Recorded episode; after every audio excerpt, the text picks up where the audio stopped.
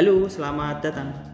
Halo, selamat datang di in podcast Incatizen episode pertama, episode introduction buat para pendengar atau mungkin excited tentang Inka, mau tahu mengenai dunia perkereta apian, dunia manufaktur kereta api tepatnya.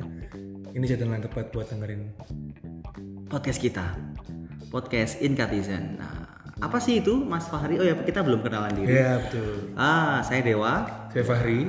Dewa sama Fahri dari Inka, kita mewakili millennials Inka nih, yang pengen membangun jembatan komunikasi dari dalam Inka sendiri ke teman-teman luar yang mungkin fans real fans atau orang-orang yang peduli dengan teknologi kereta api, peduli dengan bangsa kita untuk kita grab di informasi melalui podcast. Kenapa Ri pakai podcast Ri?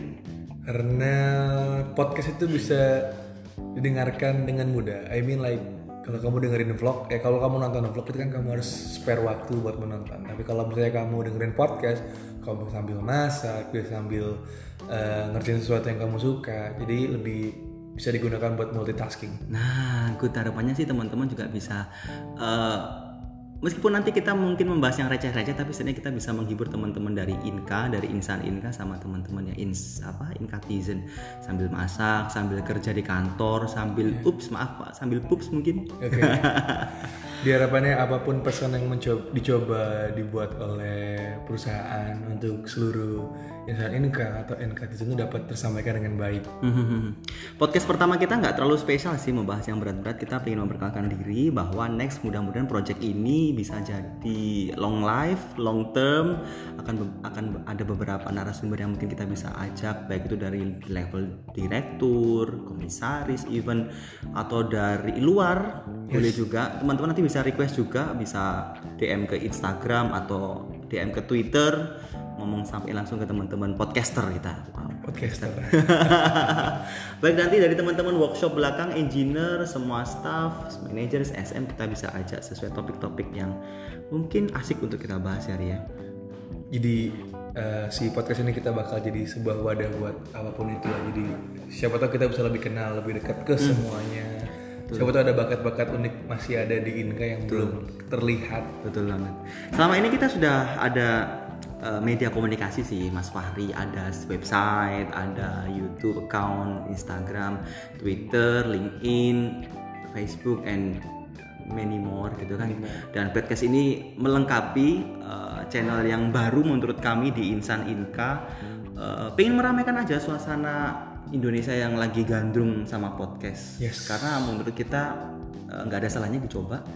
Dan siapa tahu bisa jadi ajang mm, yang bagus ya buat terutama buat millennials inka yang mungkin nanti akan kita banyak aja ah millennials inka apa itu ri? Millennials inka ri?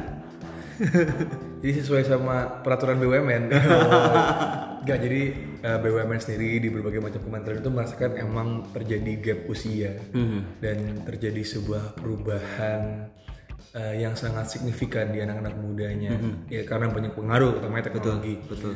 so uh, adanya sebuah gerakan millennials di perusahaan itu adalah untuk memotong gap tersebut. Nah begitu juga dengan di Inka ya Ria ya, perusahaan betul, kita sendiri ya. Kita punya Inka Millennials Project di Inka. Jadi mm -hmm. kalau kamu merasa masih muda masih merasa atau berjiwa muda bisa join sama kita di Inka Millennials Project. Nah gitu.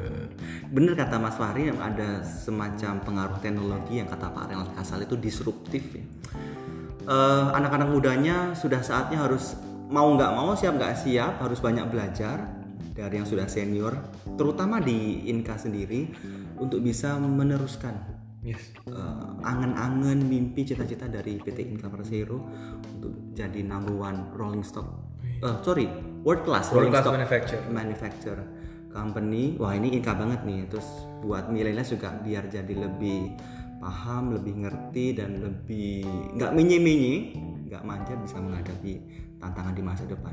Karena mungkin tantangan kita bukan dari kompetitor kereta api sendiri ya Ria, yes. mungkin dari dari Tesla juga jadi tantangan kita yang jadi mobil terbang. Iya, siapa tahu, Wah, siapa tahu kan. Kayak inget jadi kasusnya Bluebird bahwa pesaingnya bukan hanya pengusaha taksi, taksi tapi juga orang Gojek, Gojek yang nah. Oke sekian mungkin Ri untuk welcome episode kali kita hari ini. sorry dis gitu uh, Sampai ketemu lagi di next episode. Jadi ini episode zero ya. episode Episode zero. Boleh, boleh. Episode introduction. No, introduction. Akhir kata, Assalamualaikum warahmatullahi wabarakatuh. saya Dewa. Semalam semangat kompak sukses. Salam semangat kompak sukses. Bye bye, thank you.